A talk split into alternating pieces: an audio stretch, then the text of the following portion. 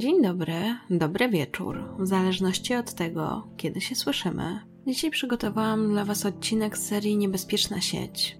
Ta historia bardzo mi przypomina polską sprawę, a dokładniej sprawę, która miała miejsce w Rakowiskach, tyle że ta wydarzyła się w USA. Do tego pewnie się domyślacie, pojawi się także wątek świata online. Dla mnie ta sprawa jest bardzo zaskakująca, więc jestem bardzo ciekawa, co Wy o niej będziecie uważać. Od razu Wam powiem, że wcale tak wielu artykułów na jej temat nie ma, więc bazowałam głównie na dokumencie i wywiadzie, które były dostępne w internecie. Z tego co też wiem, to na ten dokument można trafić na ID, więc jeżeli będziecie chcieli go sobie obejrzeć, to możecie polować. Jak coś, to standardowo w źródłach Wam daję informacje, który to jest odcinek i który sezon. I taka ciekawostka, wiele artykułów zostało usuniętych z serwisów, na których były, i nie wiem, czy to kwestia tego, że ktoś poprosił, aby już nie pisać o tej sprawie, czy kwestia tego, że po prostu wydarzyły się inne sprawy bardziej istotne. Ale uprzedzam, że choć wyszukiwarce się pojawiają, to nawet jeżeli klikniemy w nie, to później pokazuje się po prostu główna strona serwisu. Jednak jak wspomniałam, na szczęście był ten dokument i wywiad, więc udało mi się co nieco dowiedzieć o tej sprawie, a zatem zapraszam Was do jej wysłuchania.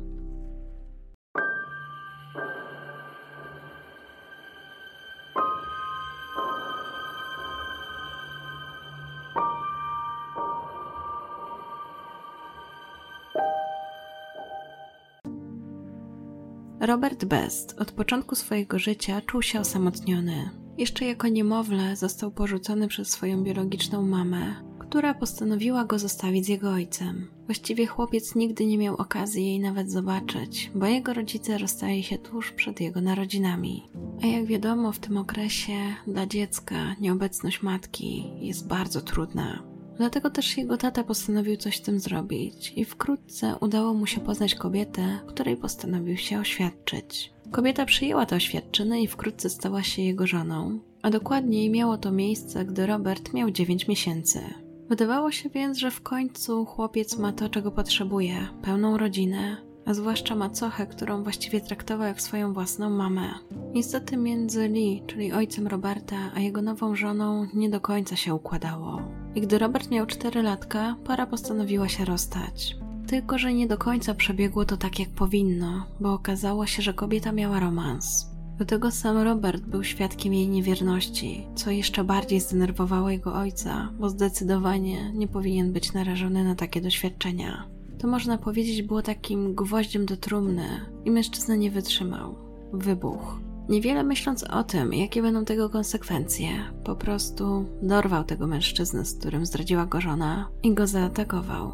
Był to jednak na tyle brutalny atak, że skończyło się na tym, iż ojciec Roberta trafił do więzienia. To z kolei pozbawiło Roberta jednej z najważniejszych osób w swoim życiu, bo teraz nie dość, że nie miał matki, to jeszcze nie miał ojca. Na całe szczęście byli dziadkowie, którzy zgodzili się nim zaopiekować. Chłopiec więc dorastał na ich farmie, która była oddalona około 30 km od Ellensburga w stanie Waszyngton. W tym mieście mieszka obecnie około 15 tysięcy mieszkańców, więc wydaje się, że nie jest tak źle. Jednak dla chłopca była to spora odległość i tak naprawdę był odizolowany od swoich znajomych. Niedługo jego ojciec został wypuszczony z więzienia, natomiast aby zapewnić odpowiednią opiekę swojemu synowi i przede wszystkim odpowiednie warunki, ciężko pracował w pobliskich miastach na różnych budowach. Było więc często tak, że po prostu w tygodniu go nie było i na przykład przyjeżdżał dopiero na weekend. To też sprawiało, że cały czas wychowaniem Roberta zajmowali się jego dziadkowie. Dla dorastającego chłopaka nie były to jednak warunki, o jakich marzył, wręcz odwrotnie. Czuł się tam jak więzień. Miał daleko do miasta, mało atrakcji, prawie nie spotykał się z rówieśnikami. Po prostu czuł się osamotniony, wyizolowany. Bardzo kochał swoich dziadków i cenił ich towarzystwo, ale na pewno nie było tym, czego w tym momencie potrzebował. Na szczęście dla niego były to już czasy, gdy rozwój technologii był zdecydowanie na przyspieszeniu i w związku z tym niemal w każdym domu, nawet na takiej farmie jak u niego, był komputer. Do tego komputer, który miał dostęp do internetu, a zatem była to więc okazja na to, aby poznać jakichś nowych znajomych, albo przynajmniej w inny sposób pozabijać czas. W 2007 roku Robert był 15-latkiem. Był to też moment, w którym postanowił, że czas poszerzyć trochę te swoje znajomości i że w jego mieście, właściwie miasteczku, nie ma ku temu zbyt wielu okazji, dlatego pomyślał, że właśnie w świecie online będzie ku temu sposobność. Natomiast to nie było tak, że odpalił komputer z myślą o tym, że od razu pozna tam jakichś znajomych. A raczej postanowił, że pogra w jakieś gry komputerowe, w których będzie mógł grać online z innymi graczami. Nie zaczął więc od żadnych portali, czatów czy coś w tym stylu, ale właśnie od tych gier, które były dostępne w internecie. Był to więc taki jego pierwszy krok do tego, aby złapać kontakt z jakimiś rówieśnikami i przy okazji stało się fajną odskocznią od nudnego życia na farmie. Właściwie dosyć szybko się wdrożył w te gry komputerowe. Zaczął grać niemal każdego wieczoru. Wybierał jednak tylko te, w których mógł grać z innymi graczami. Spodobała mu się zwłaszcza jedna gra. Stworzył tam swoje konto, swoją postać i nazwał ją Elemental Evil, co możemy przetłumaczyć jako elementarne zło. Z ciekawości wyklikałam i wiem też, że powstała taka gra w 2003 roku, ale to nie była ta gra, tak się nazywała jego postać. Ogólnie w tej grze chodziło o to, że tworzymy swojego bohatera, którego wyposażamy w odpowiednie supermoce, a następnie krążymy po wirtualnym mieście i zwalczamy przestępstwa. Więc tak co noc Robert logował się do gry, a następnie walczył z różnymi przestępstwami, czasami pisząc z innymi graczami, a czasami działał wraz z nimi, bo tam też była opcja, że na przykład mogą się jednoczyć i obok siebie latać, bo w tym mieście z tego co widziałam, to tak się latało tym superbohaterem. I tak mijały te dni. Robert coraz bardziej wkręcał się w tę grę, poświęcał jej coraz więcej czasu, ale nie spodziewał się, że spotka tam kogoś, kto stanie się dla niego bardzo ważny. Pewnego dnia napisała do niego dziewczyna, która nazywała się Ice Princess, co możemy przetłumaczyć jako lodową księżniczkę. Zaczęło się od prośby o wspólne granie, a skończyło na wymianie wielu wiadomości. Z nich Robert dowiedział się, że jego nowa znajoma mieszka prawie 3000 km od niego, a dokładniej w Gahanie, w centralnej części stanu Ohio, na przedmieściach Columbus. Gahana była znacznie większym miastem niż Ellensburg. Pośrednio mieszka tam około 32-33 tysięcy mieszkańców. Nowa znajoma Roberta przedstawiła się jako Grace i powiedziała, że ma 16 lat. Oznaczałoby to, że była o rok od niego starsza, więc dla niego idealnie. Wkrótce okazało się, że nazywa się Grace Dillman, pochodzi z bogatego i religijnego domu, a jej rodzice to Alan i Trace. Do tego miała jeszcze dwójkę rodzeństwa. Natomiast Grace także czuła się samotna, dlatego że spędzała głównie czas w domu. Jej rodzice postawili na edukację domową i nie za bardzo miała gdzie wychodzić. No może oprócz kościoła, bo tam oczywiście regularnie się wybierali całą rodziną, ale wiadomo, dla nastolatki nie było to coś, o czym marzyła w tym wieku. Dlatego też ta wirtualna gra sprawiała, że mogli tworzyć swój świat, na chwilę odciąć się od swoich problemów, zmartwień czy samotności. Do tego okazało się, że bardzo dobrze się rozumieją, że coś między nimi kiełkuje. Pisali coraz więcej i naprawdę wkręcali się w tę znajomość. Co prawda mieszkali od siebie dosyć daleko, jak wspomniałam, te 3000 kilometrów, ale na tym etapie się jeszcze tym nie przejmowali. Chyba nie wybiegali tak daleko w przyszłość, po prostu chwytali chwilę. To było też tak, że dla Roberta motywacją do tego, by grać w tę grę, było znalezienie towarzystwa, zabicie czasu. Nie było tak, że on liczył na to, że pozna kogoś wyjątkowego, do kogo poczuje coś więcej. Jednak powoli tak się zaczynało dziać. Początkowo nowi znajomi wymieniali wiadomości głównie w tej grze online, natomiast w pewnym momencie stwierdzili, że to jednak za mało, bo ich ogranicza. Dlatego też postanowili wymienić się mailem. W późniejszym czasie wymienili się także numerem telefonu. To był taki zdecydowany krok w ich znajomości, który sprawił, że zaczęli pisać do siebie regularnie, niemal przez całe dnie, a w związku z tym poznawać się coraz lepiej, a przynajmniej tak im się wydawało. Robert miał poczucie, że w końcu jest ktoś, z kim może się podzielić tym, jak mu mija dzień, jak się czuje, co u niego, jak ogólnie wygląda jego życie, czym się martwi, czym się stresuje. Do tego miał wrażenie, że Grace go idealnie rozumie. Do tego sama opowiadała o sobie i też twierdziła, że wokół niej nie ma nikogo, z kim mogłaby pogadać, kto by ją właśnie zrozumiał. Podkreślała, że Robert jest zupełnie inny, że z nim czuje, że może porozmawiać o wszystkim. Nic więc dziwnego, że coraz bardziej zaczęli się angażować w tę znajomość, a z dnia na dzień Robert nie wyobrażał sobie dnia bez rozmów z Grace. Powoli inne sprawy przestawały się liczyć. Najważniejsze było to, by być blisko dziewczyny, by móc nią spędzić każdą wolną chwilę. Niestety, odległość w tym wypadku stanowiła spory problem. Choć jak się później okazało, nie tylko to stało im na przeszkodzie. W tym czasie bliscy Roberta zaczęli zauważać, że ten non-stop siedzi na komputerze. Nie wiedzieli, co tam robi, ale martwiło ich to, że non-stop jest w świecie online i jakby w ogóle już nie było go w świecie żywych. Martwić zaczął się zwłaszcza jego tata, który widział, że coś jest z nim nie tak, a do tego chciał dla niego dużo lepszej przyszłości niż ta, którą miał on. Chciał, żeby jego syn postawił na edukację, żeby potem poszedł do koledżu i żeby nie musiał pracować na budowach tak jak on i jego ojciec. Z kolei edukacja na pewno nie była tym, co zaprzątało teraz głowę nastolatka. Nie rozumiał też, czemu ojciec go męczy, chciał tylko skupić się na Grace, tylko to się dla niego liczyło. Natomiast to nie było też tak, że żył w jakiejś utopii i nad niczym się nie zastanawiał. Zdawał sobie sprawę z tego, że na przykład może się nie spodobać nastolatce. Brał pod uwagę, że jest od niego rok starsza, że pochodzi z bogatej i religijnej rodziny, dlaczego więc miałaby zechcieć kogoś takiego jak on? Co on miał jej do zaoferowania? Jednak to, co na pewno w tym momencie wiedział, że o cokolwiek by go nie poprosiła, to on by to zrobił.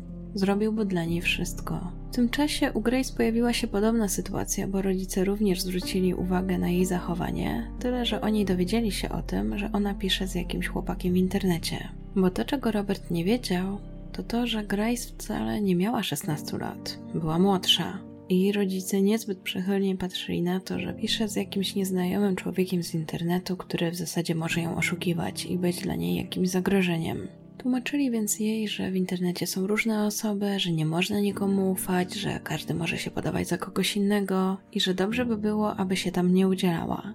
W końcu przyznała im rację, wydawało się, że wszystko zrozumiała, a jej rodzice zaczęli być spokojni. Natomiast cały czas czuwali, bo było też tak, że oni prześledzili jej konwersacje z Robertem i wiedzieli mniej więcej, jak nastolatkowie ze sobą piszą. Postanowili więc, że i tak w razie co będą mieli oko na Grace, aby ta nie wpakowała się w jakieś kłopoty.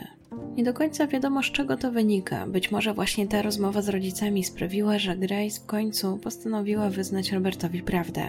Ich znajomość ciągnęła się już od roku i Grace uznała, że czas przyznać się przed Robertem, że kłamała. A tego chłopak zupełnie się nie spodziewał, więc gdy dziewczyna powiedziała, że przez cały ten czas go okłamywała i że nie ma tylu lat, ile powiedziała, to świat się dla niego zawalił. W tym czasie Robert miał już 16 lat. Jak pewnie pamiętamy, w tym wieku raczej wolimy swoich rówieśników niż młodsze osoby o kilka lat. A co dopiero nie chcemy raczej się spotykać z osobami, które są tyle lat młodsze. Dla przykładu to tak jakby się spotykać, będąc w liceum z kimś jeszcze z podstawówki. I o tyle to przejście jest teraz płynniejsze, bo po podstawówce mamy od razu liceum, to ja jeszcze jestem z tego rocznika, jak pomiędzy było gimnazjum, więc to zupełnie była przepaść. W każdym razie jeszcze Robert postanowił zadać jej ostatnie pytanie, ile tak naprawdę ma lat. Na co Grace odpisała, że obecnie 13. Oznaczało to, że jak się poznali, to miała 12. Robertowi zrobiło się słabo. Możecie się zastanawiać, dlaczego tak bardzo go to dotknęło, ale nie chodziło już tylko o ten sam wiek, choć oczywiście dla niego to była poważna sprawa, ale o to, że to nie była pierwsza kobieta, która go zawiodła. To kłamstwo potraktował jak taki wymierzony w niego policzek. Poczuł się oszukany, że przez rok rozmawiał z kimś, kto tak naprawdę nie istniał. Wiadomo, że te rozmowy były realne, ale zupełnie ten obraz wcześniejszy został zniszczony więc do jego matki i macochy w tym momencie dołączyła Grace, która także go bardzo zraniła. W związku z tym uznał, że on nie chce się dłużej angażować w tę znajomość i postanowił, że ją zakończy. I tak też zrobił. Choć dziewczyna go błagała, by tego nie robił, zapewniała o swoich uczuciach, był jednak zbyt zły, by jej to wybaczyć. Aby jakoś o tym zapomnieć, postanowił, że skupi się na swojej pasji a dokładniej nowej pasji, bo tak naprawdę dopiero niedawno ją odkrył i zaraził go nią dziadek, z którym razem zaczęli naprawiać ciężarówki. Właściwie zaczęło się od szkolnego projektu, który dotyczył, z tego co zrozumiałam, takich mechanicznych umiejętności. I wraz z dziadkiem postanowili przygotować się do tego projektu, a w ramach tych przygotowań wyszło, że w zasadzie jest to całkiem interesujące zajęcie. W związku z tym ta nowa pasja na chwilę pozwoliła mu zapomnieć o Grace i łącznie nie pisali ze sobą prawie rok. Do tego w tym czasie Robert poznał Chrisit, dziewczynę, która pochodziła z jego miasteczka i przez chwilę postanowił, że się z nim będzie spotykać. Znaczy dokładniej to nie było tak, że z góry postanowił, że to będzie przez chwilę, ale ostatecznie tak wyszło, że spotykali się kilka miesięcy, a potem uznał, że to jednak nie to. I być może to, że nie wyszło mu z Chrissy, być może to, że pasja, w którą się tak wkręcił, już nie dawała mu tyle satysfakcji, sprawiło, że Robert poczuł się samotny i zaczął myśleć o Grace. W końcu nie mógł tak łatwo o niej zapomnieć, wiele dla niego znaczyła. Dlatego zdecydował, że powróci do kontaktowania się z dziewczyną. Natomiast od początku postanowił być szczery i powiedział jej, że przez ten czas spotykał się z kimś innym, natomiast im nie wyszło, ale i tak uznał, że warto o tym powiedzieć. Grace postanowiła nie być mu dłużna. Zaakceptowała oczywiście to, że w momencie, gdy nie mieli ze sobą kontaktu, to z kim się spotykał, ale także mu wyznała, że w jej życiu też jest ktoś, kto jest dla niej bardzo ważny i do kogo coś czuje. Jednak te wiadomości to były takie, jakby się ze sobą droczyli. I gdy Grace powiedziała, że nikt tego chłopaka brzmi Romeo, to Robertowi coś tam zaczęło świtać i postanowił, że zagra z nią inaczej. Dokładniej powiedział, że zadaje trzy pytania. Pierwsze, czy rozmawia z nim każdego dnia? Grace potwierdziła. Drugie, czy wie o nim wszystko? Grace również potwierdziła. I trzecie, czy chodzi o niego? Napisała, że tak i że go kocha. To wyznanie sprawiło, że w Robercie wszystko odżyło i też jej wyznał miłość. Tak naprawdę cały czas o niej myślał, cały czas coś do niej czuł, nie mógł o niej zapomnieć. Wiedział też, że wiele ich łączy i że naprawdę trudno znaleźć taką osobę, dlatego postanowił dać jej szansę. Tym razem ich znajomość była jeszcze bardziej intensywna i obiecał sobie, że już nigdy jej nie straci. W 2010 roku ich miłość kwitła. On już miał 18 lat, ona jeszcze 14, niedługo miała skończyć 15. Łącznie pisali już od 3 lat i byli w związku. Oczywiście takim wirtualnym, bo do tej pory ich pierwsze spotkanie jeszcze się nie odbyło. Natomiast to dla Roberta nie miało znaczenia. Liczyło się tylko to, że ona jest jedyną osobą, która sprawia, że on się czuje kompletny. Był to też czas, kiedy Robert powoli mógł się decydować na większą niezależność. Właśnie kończył liceum i musiał pomyśleć, co dalej zrobić ze swoją przyszłością. Ku ucieszy swojego taty postanowił, że wybierze się do koledżu. Tylko mężczyzna nie wiedział, że tak naprawdę jego motywacją ku temu jest to, aby być bliżej swojej ukochanej, bo wybrał jedną z lepszych szkół, co prawda, ale w Ohio, czyli w stanie, w którym mieszkała Grace. Natomiast on chciał uczęszczać do Mechanics School, która znajdowała się w Cleveland, ale wtedy miałby około dwóch godzin do Columbus, obok którego mieszkała właśnie Grace.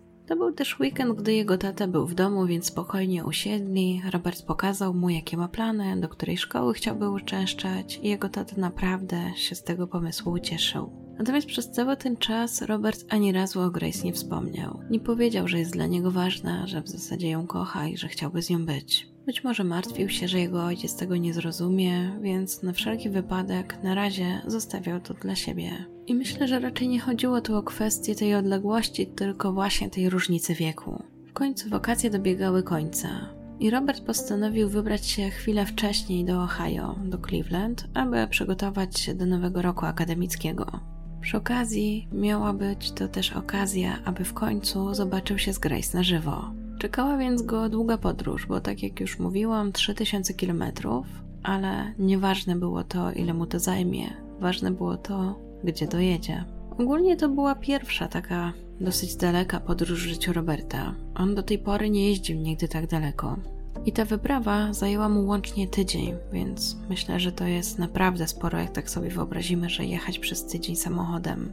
Oczywiście robił postoje i zatrzymywał się na nocleg, więc myślę, że to też dlatego tyle mu zajęło, bo trudno jechać non-stop tyle kilometrów ale jak tak myślę, no to jest jednak wyzwanie tak tydzień prowadzić. Więc na pewno też nie było możliwości, aby para w inny sposób spotykała się regularnie, skoro wymagało to takiej podróży. Oczywiście jeszcze były samoloty, ale wiadomo, no zawsze jest to jakieś wyzwanie czy wydatek. Zwłaszcza, że rodzice Grace na pewno samej by nie puścili, więc musiałby to robić ciągle Robert, a u niego z kolei z finansami też nie było jakoś tak bardzo dobrze. W końcu jednak dojechał do Cleveland i wierzył, że jeszcze tylko chwila dzieli go od spotkania z Grace. Na to spotkanie założył specjalnie białą koszulę i garnitur, bo plan był taki, że spotkają się przy kościele, do którego jak co tydzień Grace uczęszczała ze swoimi rodzicami. W zasadzie była to jedyna możliwość, aby para się spotkała, bo jak już wspomniałam, rodzice Grace byli bardzo opiekuńczy względem niej i raczej nie zgadzali się, aby gdziekolwiek wychodziła sama. Zwłaszcza gdy wiedzieli, że cały czas pisze z dużo starszym chłopakiem, który ich zdaniem nie powinien w ogóle kontaktować się z ich córką. Wiedziała więc, że jedyną opcją, aby spotkać się z ukochanym, jest to, że musiałaby okłamać swoich rodziców. Dlatego też nie uprzedziła ich o tym, że ma takie plany co do spotkania z Robertem. Liczyła, że po prostu okoliczności będą im sprzyjały, że w trakcie ich pobytu w kościele udaje się jakoś wymknąć i chociaż na chwilę się spotkają. Dla niego te wszystkie warunki nie miały znaczenia, ważne było to, żeby w końcu spotkać Grace. Dojechał więc umówione miejsce, wysiadł z samochodu i ruszył w stronę drzwi do kościoła. Pech chciał, że akurat przy drzwiach wypatrzył go pan Dillman. Ponieważ już wcześniej czytał korespondencję swojej córki z tym chłopakiem, podejrzewam, że były też tam jakieś zdjęcia, więc wiedział jak wygląda, od razu rozpoznał, kim jest ten chłopak. Zaczekał więc na niego przy drzwiach kościoła, przywitał się z nim, a następnie powiedział mu, że nie jest zadowolony z tego, że go tutaj widzi. Wierzył, że jego córka już dawno dała sobie spokój z tym pisaniem, a tutaj czekała go taka niemiła niespodzianka. Trakcie przywitania Robert się przedstawił, ale mężczyzna powiedział, że doskonale wie, kim on jest. Natomiast wolałby, żeby więcej się już tutaj nie pojawiał. Robert poprosił, aby ten dał mu szansę, że on pokaże, że jest idealnym partnerem dla jego córki. Alan Dillman wydawał się jednak nieprzekonany i dlatego powiedział, że jest pewny, że Robert jest miłym młodzieńcem, ale za starym dla jego córki. Dodał też, że on jest pełnoletni, a jego córka nie. Dlatego bardzo prosi, aby się więcej nie widywali i upewnił się jeszcze, czy Robert zrozumiał jego przekaz. Chłopak próbował jeszcze negocjować, ale ten był nieubłagany. Powiedział, że nie chce, żeby się spotykali i koniec. Dodał jeszcze, że jeśli nie przestanie się kontaktować z jego córką, to on wezwie policję, więc lepiej, żeby już sobie poszedł. Robert spuścił głowę i powiedział, że rozumie i że nie będzie się więcej kontaktował z jego córką, a następnie odszedł do samochodu. Pomimo zapewnień, że dalej nie będą się kontaktowali, para jeszcze przez chwilę ze sobą pisała. Zauważył to pan Dillman, który postanowił coś z tym zrobić. A dokładniej wybrał się na policję i złożył zawiadomienie o tym, że jego córka ma kontakt z dużo starszym chłopakiem i chciałby, aby coś z tym zrobiono. Natomiast na miejscu otrzymał informację, że w zasadzie sam kontakt jeszcze nie jest podstawą, aby wszczynać jakiekolwiek śledztwo, więc na ten moment nic właściwie tutaj poradzić mu nie mogą. I nie do końca wiem, czy wpływ na to mieli rodzice Grace, czy po prostu Rob stwierdził, że nie ma już siły na walkę o Grace, ale przez następny rok para przestała ze sobą pisać. Mimo, że teraz Robert był na wyciągnięcie ręki, bo miał do Grace raptem dwie godziny, bo chodził do tego koledżu, został w Cleveland, jednak przez ten czas nie dążyli do tego, aby wznowić ten kontakt. Rozjaśnić tę sytuację mogą nam też słowa taty Grace, które padły w wywiadzie i które mogą nam wyjaśnić, co takiego się stało, że Grace również nie dążyła do wznowienia kontaktu. A okazało się, że w tym czasie Grace miała chłopaka, którego poznała na żywo. Według pana Dillmana był to miły chłopak, którego bardzo lubili. Był dobrym religijnym nastolatkiem, więc idealnym kandydatem na chłopaka ich córki. Do tego oczywiście jeszcze jej rówieśnikiem. Natomiast chyba ta relacja im za bardzo nie wyszła. Nawet nie wiem, czy Robert dowiedział się w międzyczasie, że Grace się z kimś spotyka, bo niewiele jest informacji na temat tego chłopaka. Natomiast jak to mówią, do trzech razy sztuka i okazało się, że Grace i Robert zaczęli ze sobą pisać po raz trzeci. Tym razem to Grace wykonała pierwszy ruch. Napisała do Roberta, ale tym razem z numeru, którego chłopak zupełnie nie kojarzył.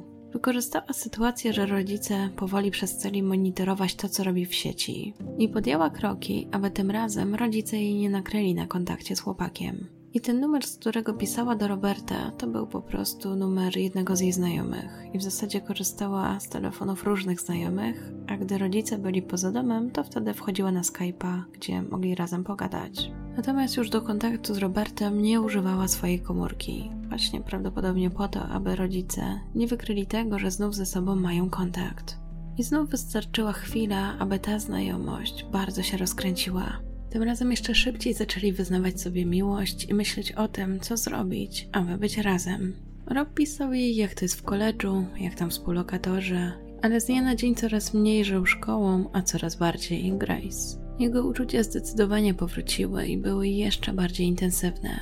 Tym razem jednak samo pisanie to było za mało. Chciałby być z Grace razem, mieć ją obok, a ona utwierdzała go w tym samym. Jednak z wiadomych powodów nie mieli takiej możliwości. Zwłaszcza, że rodzice Grace wciąż nie wyobrażali sobie, że mogłaby być ze starszym chłopakiem.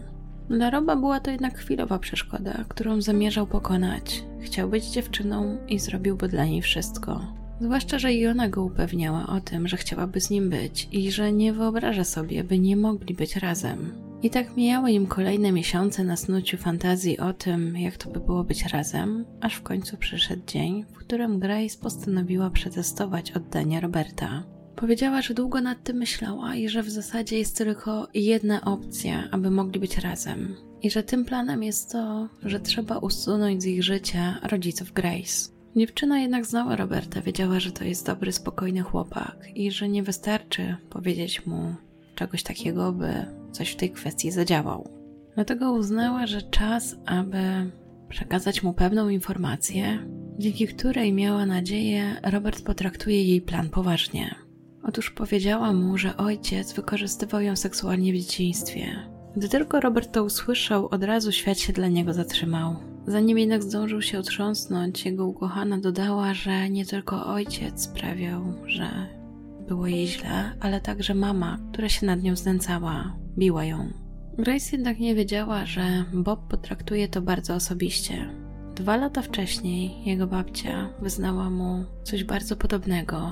Otóż, że jako dziecko była ofiarą gwałtu. Swojej babci już nie mógł przed tym uchronić, ale swoją ukochaną tak. Wiedział, że musi zrobić wszystko, aby ocalić Grace, że nie może pozwolić, aby działa się jej krzywda. Oczywiście to też nie było tak, że od razu stwierdził, że jedyną opcją, aby ocalić Grace, będzie zabicie jej rodziców.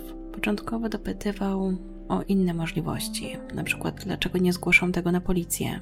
Ale Grace powiedziała, że nie mogą zgłosić tego na policję, dlatego że jej rodzice, z racji tego, że są bogaci, mają też liczne kontakty, także wśród policjantów, i że sprawa zostałaby zamieciona pod dywan, a jej nikt by nie uwierzył. W związku z tym Robert uznał, że skoro policja im nie pomoże, to musi ocalić ją w inny sposób. Wymyślił jednak, że może najlepszą opcją będzie, jeżeli razem uciekną. Ale Grace powiedziała, że to się nie uda, że jej rodzice ją znajdą, a wtedy jeszcze gorzej ją ukarają i będzie dużo gorzej niż dotychczas. Prawda jest jednak taka, że Grace nie rozważała ucieczki z domu głównie z powodu konsekwencji. Nie wiedziała też, jak miałaby sobie poradzić sama, z dala od domu i rodziców nie była zdecydowanie gotowa na to, aby opuścić swój rodzinny dom, a przynajmniej nie w ten sposób. Opracowywanie planu na to, jak ocalić Grace, trwało przez następne kilka miesięcy. W tym czasie wymieniali wiele maili odnośnie tego, o co muszą zadbać, jak się przygotować, co zrobić. Grace cały czas upierała się przy tym, że jedyną opcją, aby, aby mogła być z Robertem, jest pozbycie się jej rodziców. Podkreślała, że tak będzie najlepiej, że wtedy będą wolni i będą mogli być razem. Robert miał wątpliwości, ale dla ukochanej był gotowy zrobić wszystko. Dlatego, choć początkowo się opierał, w końcu uznał, że Grace ma rację i że to jedyne wyjście, a on musi jej w tym pomóc. Na tym etapie chłopak był już tak zaangażowany w tę znajomość, tak oddany Grace, że dosłownie zrobiłby dla niej wszystko. Do tego nastolatka wiedziała, co mu powiedzieć, jak siebie przedstawić, zwłaszcza jako ofiarę, aby ten poczuł, że musi ją chronić, że musi być jej rycerzem. Dlatego też w końcu uległ jej namowom i zgodził się na jej plan, a w zasadzie jego zarys, bo ten dopiero miał się rozwinąć. Do tego Grace była w swoich opisach o jej wykorzystywaniu i przemocy wobec niej tak dokładna, że bardzo przekonywująca. Robert wierzył w każde jej słowo i nie miał wątpliwości co do tego, co mu mówiła. Ich rozmowy trwały aż do czerwca 2012 roku. Wtedy też Grace i Robert postanowili wcielić swój plan w życie, więc aby to zrobić, wybrali datę i godzinę. Padło na 13 czerwca tego samego roku. Wydawało im się, że są naprawdę dobrze przygotowani do tej zbrodni. Mieli całą listę tego, kto co ma zrobić i jak. Wyglądało to tak, jakby się naoglądali seriali kryminalnych i naprawdę skupiali na rzeczach, które miałyby potem sprawić, że nie poniosą odpowiedzialności. Nie do końca jednak wiem, jak ten plan miał wyglądać po tym, jak już odbiorą życie rodzicom Grace. Co zamierzali powiedzieć? Czy zamierzali czekać na policję? Czy chcieli powiedzieć, że ktoś się włamał? Na te pytania odpowiedzi nie znalazłam. Na pewno bardzo dobrze mieli przygotowany plan tej całej zbrodni, ale chyba nie do końca przemyśleli plan, co będzie potem. Ogólnie plan miał być taki, że Grace wyłączy alarm, dzięki temu Rob dostanie się do jej domu przez tylne drzwi w garażu, które miały być też otwarte. Tam też specjalnie Grace posprzątała, aby nie było żadnego kurzu na podłodze i żeby Robert nie zostawiał żadnych śladów. Do tego zasugerowała mu, żeby zostawił samochód w odpowiedniej odległości, a na miejsce przyszedł na piechotę i oczywiście zdjął buty zanim wejdzie do jej domu. Tam już miał trafić do jej pokoju i później wybrać się do sypialni rodziców, gdzie miały im odebrać życie, a potem mieli żyć długo i szczęśliwie. Przynajmniej tak to Grace przedstawiała. Według Grace nic nie mogło pójść źle. Dokładnie opisała Robertowi rozkład domu. Podała mu wszelkie szczegóły, więc wydawało się, że to tylko taka formalność. W tym czasie zdenerwowany Robert czekał w Cleveland na sygnał od Grace, aby wsiąść do auta i wyruszyć. W końcu dostał te informacje, ale cały czas do końca nie wiedział, czy dobrze robi, czy jednak powinni zrobić to jakoś inaczej. Na razie jednak postanowił realizować ich plan, więc wsiadł do auta i ruszył w stronę domu dziewczyny, tam gdzie czekała na niego Grace. W tym czasie w swoim pamiętniku pisała, że Rob jest jej upadłym aniołem, i że wie, że to jest jedyny sposób, ale ma wrażenie, że to wpłynie na jego człowieczeństwo, jeżeli dojdzie do tego zabójstwa, i że na pewno część tego jego człowieczeństwa na zawsze zostanie stracona. A na miejscu Robert dojechał około drugiej w nocy. Zostawił auto w miejscu, które miało nie wzbudzać żadnych podejrzeń, około pół kilometra od jej domu. Następnie wybrał drogę przez las, tak aby nikt go nie widział. Gdy dotarł na miejsce, wszystko zgadzało się z tym, co opowiedziała mu dziewczyna. Ich plan powoli był wcielany w życie. Zgodnie z tym, co Grace mówiła, alarm był wyłączony. Zdjął buty i je zostawił, aby później po nie wrócić. Drzwi od garażu były otwarte. Wszedł i ruszył prosto do pokoju Grace. Wtedy w końcu się spotkali. W końcu mógł wziąć ją w ramiona. Siedziała w pokoju i czekała na niego. O tej chwili marzył od dawna, bo łącznie zobaczyli się pierwszy raz po pięciu latach znajomości. Chwilę porozmawiali. Grace upewniła go jeszcze, że dobrze robi. Przy sobie miał tylko brzytwę. Plan był taki, że wejdzie do pokoju jej rodziców i podczas snu poderżnie im gardła. Cały czas był niepewny, czy dobrze robią, ale Grace go namówiła, więc wstał i poszedł do pokoju jej rodziców. Zobaczył, że śpią i stchórzył. Wrócił do pokoju Grace i powiedział, że on nie da rady, że to jest ponad jego siły i że na pewno jest jakieś inne rozwiązanie. Grace jednak zaczęła mu przypominać, po co to robią i że innej opcji nie ma, że inaczej nigdy nie będą razem. Po chwili namowy postanowił, że dobrze, spróbuje jeszcze raz, ale tym razem Grace postanowiła, że pójdzie razem z nim i będzie patrzeć. Według policyjnych raportów, w trakcie gdy szli, powiedziała do Roberta: Musisz to zrobić, zanim się obudzą.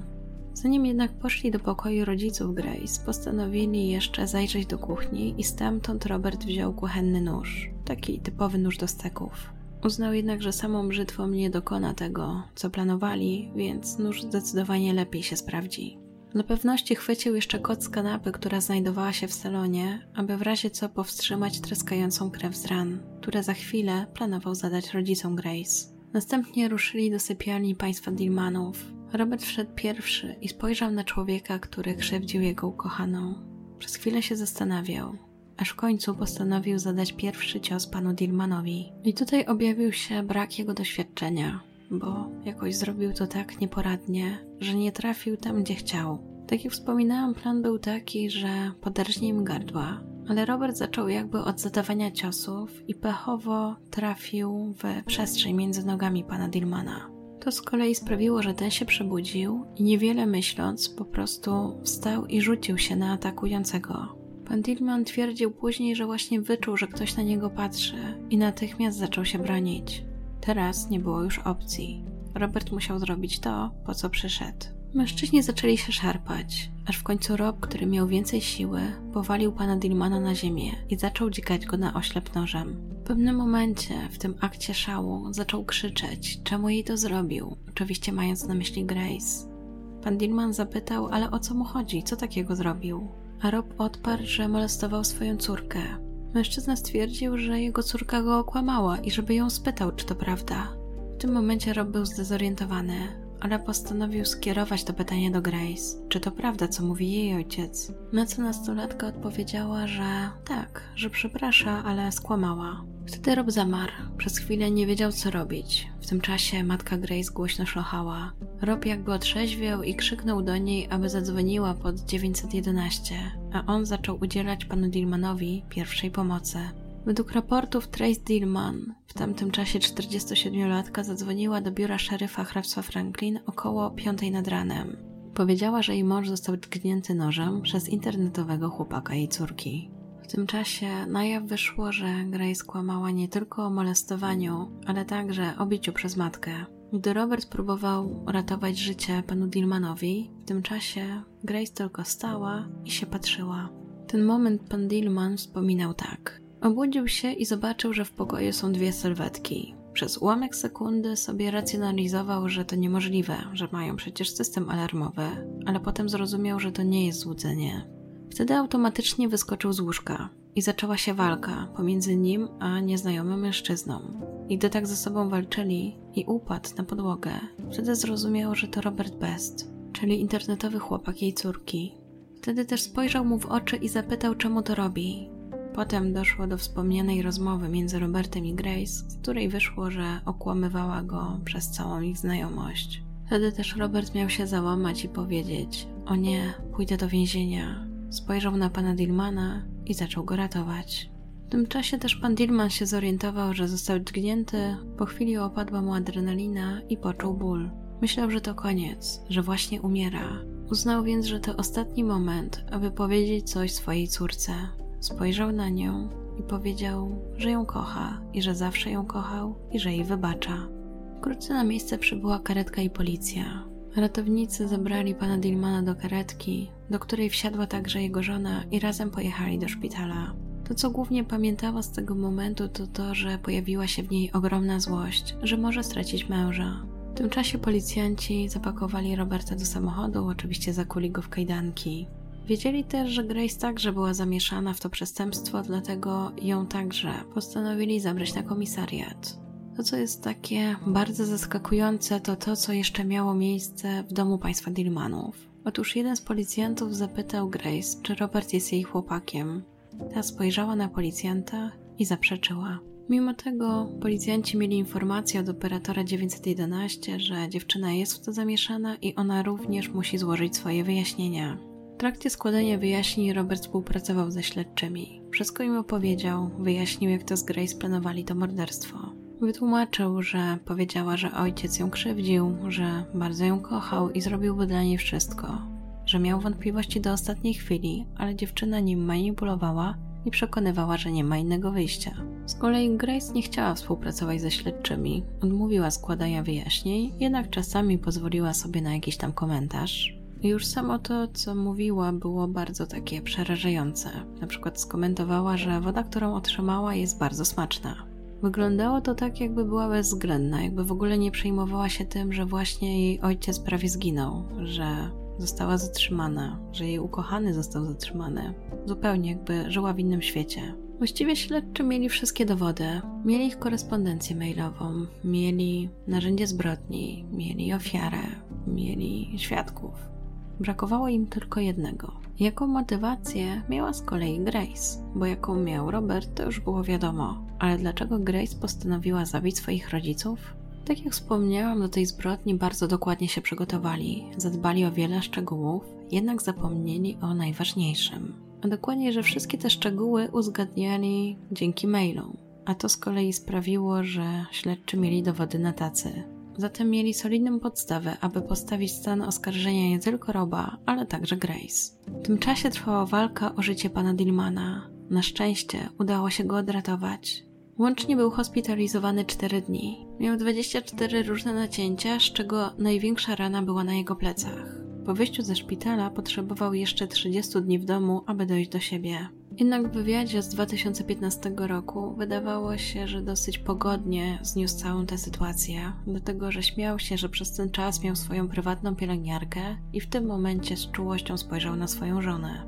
Psycholog, która brała z kolei udział w dokumencie Nighty, powiedziała, że świat online sprawił, że Robert i Grace uwierzyli, iż mogą sobie stworzyć swój świat. Że żyli w świecie fantazji i próbowali stworzyć relacje rodem z gry komputerowej. Ogólnie do dziś nie udało się jednoznacznie potwierdzić ani wykluczyć wersji o tym, że Grace w dzieciństwie była molestowana, choć uznano, że raczej to Grace kłamała i do niczego takiego nie doszło. Prokurator powiedział panu Dillmanowi, że teraz jego córce i Robertowi grozi do 20 lat pozbawienia wolności. Oboje byli sądzeni oddzielnie. Kaucja dla Roberta wyniosła pół miliona dolarów. W trakcie procesu Robert zwrócił się do państwa Dillmanów i przeprosił, zanim usłyszał jeszcze swój wyrok. Ci mu wybaczyli, a on serdecznie podziękował im za przebaczenie i wyraził wdzięczność za to, że mają nadzieję na jego zbawienie. Bo ogólnie było tak, że państwo Dillmanowie cały czas podkreślali, że to dzięki Panu Bogu udało się to w ten sposób wszystko załatwić i że nie jest gorzej. I że wierzą, że Pan Bóg miał w opiece zarówno i Pana Dillmana, tak jak i Roberta i Grace, bo przecież gdyby Pan Dillman umarł, to byłoby jeszcze gorzej. Swojej córce także od razu wybaczyli. Jeśli chodzi o Roberta, to ostatecznie w wyniku porozumienia między prokuratorem a jego obrońcą został skazany na 8 lat więzienia. We wszystkim jego ojciec powiedział, że świat mu się zawalił i podobnie było z dziadkiem Roberta. I pierwszy raz w ogóle widział, jak on płakał. Jednak pomimo tego, co się stało, on będzie czekał na niego, bo wie, że popełnił przestępstwo i musi za nie odpowiedzieć, ale i tak jest jego synem. Grace była z kolei sądzona w sądzie dla nieletnich. Ogólnie w jej sprawie nie pojawiło się zbyt wiele szczegółów, zwłaszcza jeżeli chodzi o jej stan psychiczny, natomiast na pewno coś tam się pojawiło, dlatego że w efekcie została skazana na dwa lata w szpitalu psychiatrycznym. Do tego otrzymała jeszcze 8 lat pozbawienia wolności w zawieszeniu. Jej motywacja działania do dzisiaj nie została poznana. Ogólnie, jeśli chodzi o samą Grace, to oprócz pojedynczego zdjęcia w zasadzie nie sposób znaleźć o niej informacje. Jedynie w tym wywiadzie z 2015 roku, w którym widzimy jej rodziców, na chwilę pojawia się jej głos i wypowiedź, z której wynika, że czas spędzony w szpitalu wydawał jej się nagrodą właściwie w obliczu tego, co mogło ją spotkać, natomiast był tak naprawdę wyzwaniem. Powiedziała też, że gdyby mogła cofnąć czas, to by cofnęła to wszystko, że żałuje tego wszystkiego i jest wdzięczna, że ma takich rodziców, którzy dali jej drugą szansę i teraz może z nimi spędzać ten czas. Jej rodzice także podkreślili, że nadal pracują nad tym, aby mieli dobrą relację z córką i liczą, że wszystko jest już na dobrej drodze. W trakcie odbywania wyroku Rob dalej deklarował, że czuje coś do Grace. Napisał nawet do jednego ze śledczych, którzy prowadzili tę sprawę, że nie wie, co się stanie, jak wyjdzie z więzienia, nie wie, czy będzie kiedyś jeszcze z Grace, a nawet myśli, że nie powinni, ale wciąż ją kocha. Szukałam informacji na temat tego, czy Rob opuścił więzienie, ale niczego takiego nie znalazłam. Podejrzewam, że chciał się już odciąć od tej sprawy. Natomiast według moich wyliczeń powinien już być na wolności, o ile na przykład nie wyszedł wcześniej za dobre sprawowanie. Jeżeli chodzi jeszcze o państwa Dillmanów i ten wywiad, to tak jak mówiłam, tam dużo pojawiało się wypowiedzi o Bogu i o tym, że żyją właśnie dzięki temu, że Bóg się nimi zajął, właściwie zaopiekował. Dlatego też jako katolicy wybaczyli obojgu, bo wiedzieli, że Bóg tam był, że to nie było tak, że Bóg ich opuścił. Podobnym tonie mówiła też Grace, która podkreślała, że była chora i teraz jest już zdrowa i to właśnie Pan Bóg jej pomógł. Co ciekawe, rok po ogłoszeniu wyroku, w 2013 roku, Alan Dillman poprosił sędziego o złagodzenie wyroku dla Roberta. Powiedział, że mu wybaczył, że wie, że miał złe zamiary, nawet użył słowa diabelskie, ale że powinien mieć szansę na poprawę i że jest za młody na to, aby zmarnować życie w więzieniu. Natomiast nie było tam żadnej informacji, jak się sąd do tego odniósł, więc podejrzewam, że nie przechylił się do jego prośby. Właściwie jedyną osobą, która wyraziła jakąś taką większą złość w tej sprawie była starsza córka państwa Dillmanów, która powiedziała, że ona oczywiście wybaczyła Robertowi, ale nie zgadza się z wyrokiem, że jej zdaniem powinien być skazany na 16 lat pozbawienia wolności. I myślę, że przyznacie, że jest to całkiem zaskakujące zakończenie całej tej sprawy, bo raz, że rzadko się zdarza, że ofiara przeżyła, zwłaszcza w historiach, które Wam opowiadam, a dwa, że pan Dillman poprosił o złagodzenie wyroku dla Roberta. No i też trzecia sprawa to kwestia tej religijności, bo faktycznie wydaje się, że pan Dillman jest zupełnie pogodzony z tym, co się stało i nie ma żadnej złości wobec swojej córki. Oczywiście mogę tak powiedzieć tylko na podstawie jednego wywiadu i tego, co on sam powiedział. Nie wiemy, co tam się dzieje w ich domu teraz, ale wyglądało to tak, jakby naprawdę wierzyli, że wybaczenie to jedyne, co mogli zrobić. Z kolei jak się nad tym zastanawiałam, co bym zrobiła, jakby to moje dziecko chciało mnie zabić, to też nie wiem, czy